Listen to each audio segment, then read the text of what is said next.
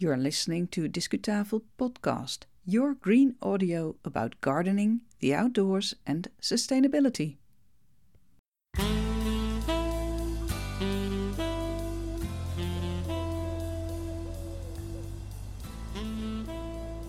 Hello, I'm in my city garden here in the Netherlands, and my name is Yvonne Smit, your podcast host. This is episode 144. It has been released on August the 9th, 2023. And what's there to enjoy this time?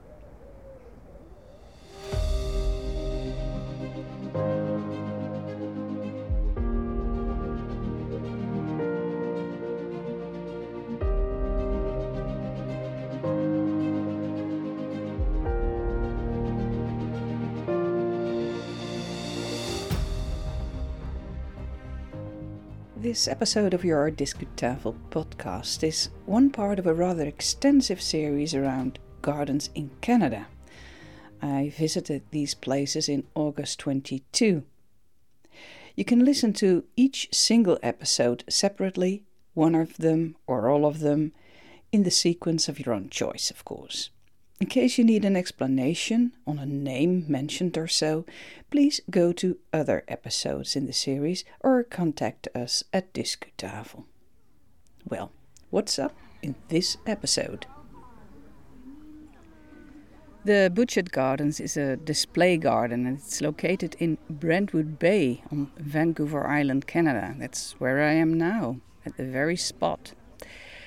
It has been created by Jenny Butchart in 1904. This place used to be a limestone quarry and a cement plant. Today, the Butchart Gardens is a National Historic Site of Canada.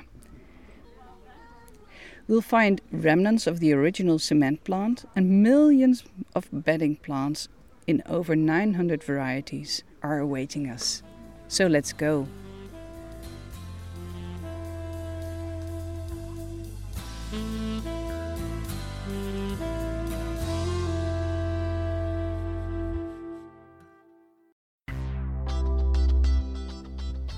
Discu coverage. In another episode of Discutafel podcast, we descend into the fabulous sunken garden of the Butchart's Gardens. And although aeroplanes are flying over us now and then, we are impressed by the sight.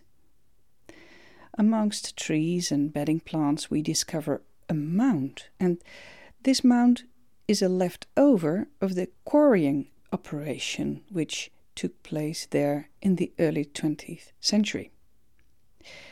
We start this episode of your tour in the gardens at the bottom of this mount, and in this episode, we will be confronted with dramatic changes of this place and, as a matter of fact, of the whole of Canada. Of course, we can't resist the temptation of this stairs climbing up on the mount to have a good view on the sunken garden.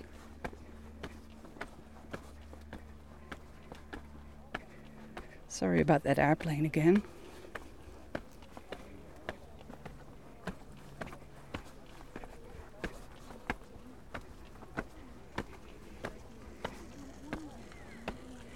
Here we are, enjoying the view. Hi this point, I appreciate the lawn. It's like um, a lake, a green lake, curved, well maintained.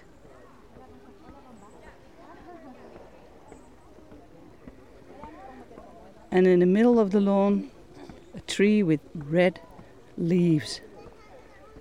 The contrast is beautiful.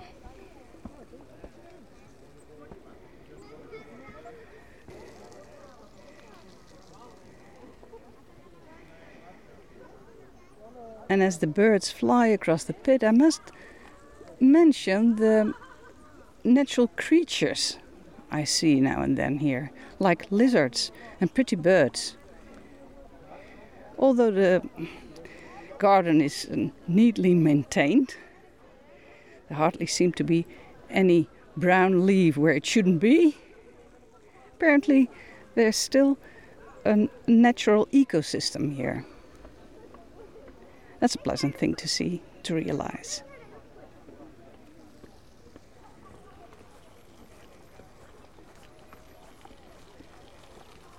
And we walk on top of the mount to the other side. You hear the fountain. And we see another information sign with two historic photographs of how the place used to be. And what I see in front of me is a, an empty pit with uh, a cart and horses and a cart and lots of rubble. In reality, it's a lake, people enjoying the gardens, and all colors of green and red in front of me. She made a paradise of this place, this Miss Butchart.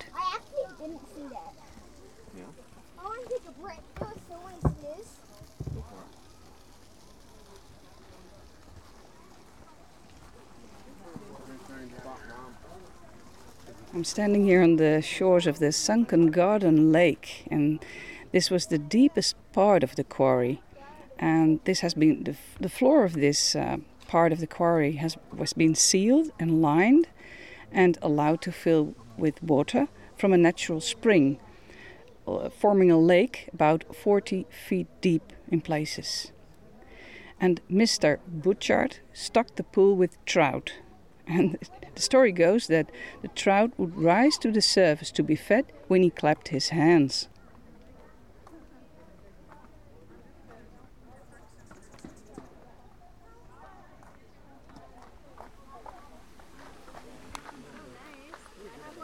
Leaving the sunken garden, we're into a big surprise, a wet surprise. It's the Ross Fountain Lookout. It's in a smaller quarry and it was a source of limestone in the 1860s. And it was here that Ian Ross devised his spectacular fountain with the assistance of his plumber. And Ian Ross was grandson of Mr. and Mrs. Butchart. The Ross Fountain commemorated the 60th anniversary of the Butchart Gardens when it was installed in 1964.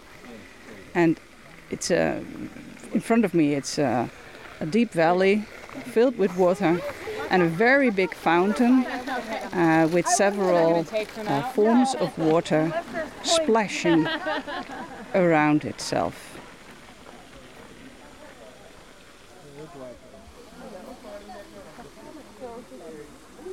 You can hardly imagine that directly behind this Ross fountain was the site of the Vancouver Portland Cement Company established in 1904 by Mr. Butchart.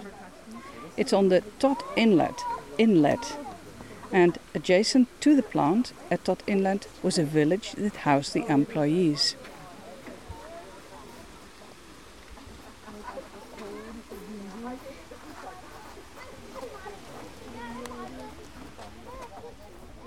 Canadians recognize the rich cultural heritage of the local indigenous people. And uh, in almost every museum and uh, public space, uh, we see somehow um, a statue, a totem pole, or a sign explaining this recognition. And uh, Butchart Gardens is no exception.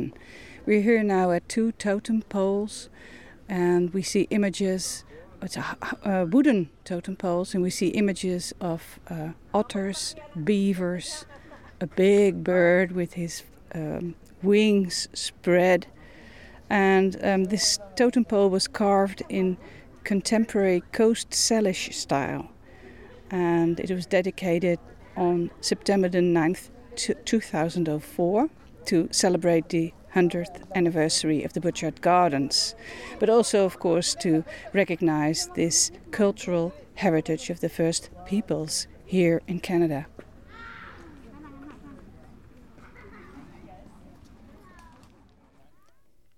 Well, we're leaving Butchart's Gardens for now, but don't worry.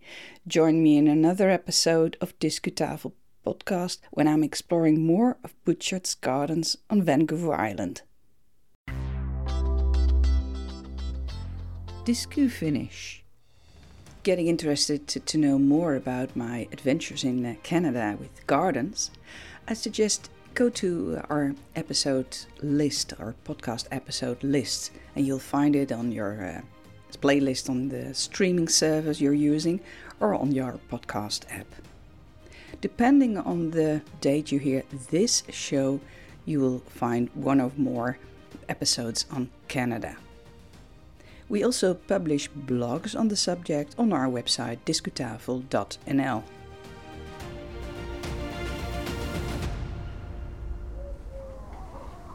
We're back in the garden in the Netherlands with the chickens and the wind blowing above my head. Thank you for listening. Your green audio will be back very soon because the next English episode will be published on August 11th, 2023. It will be part 3 and the, the last part of our holiday special on the Butchart gardens in Canada. In the meantime, let's go outside and until next time.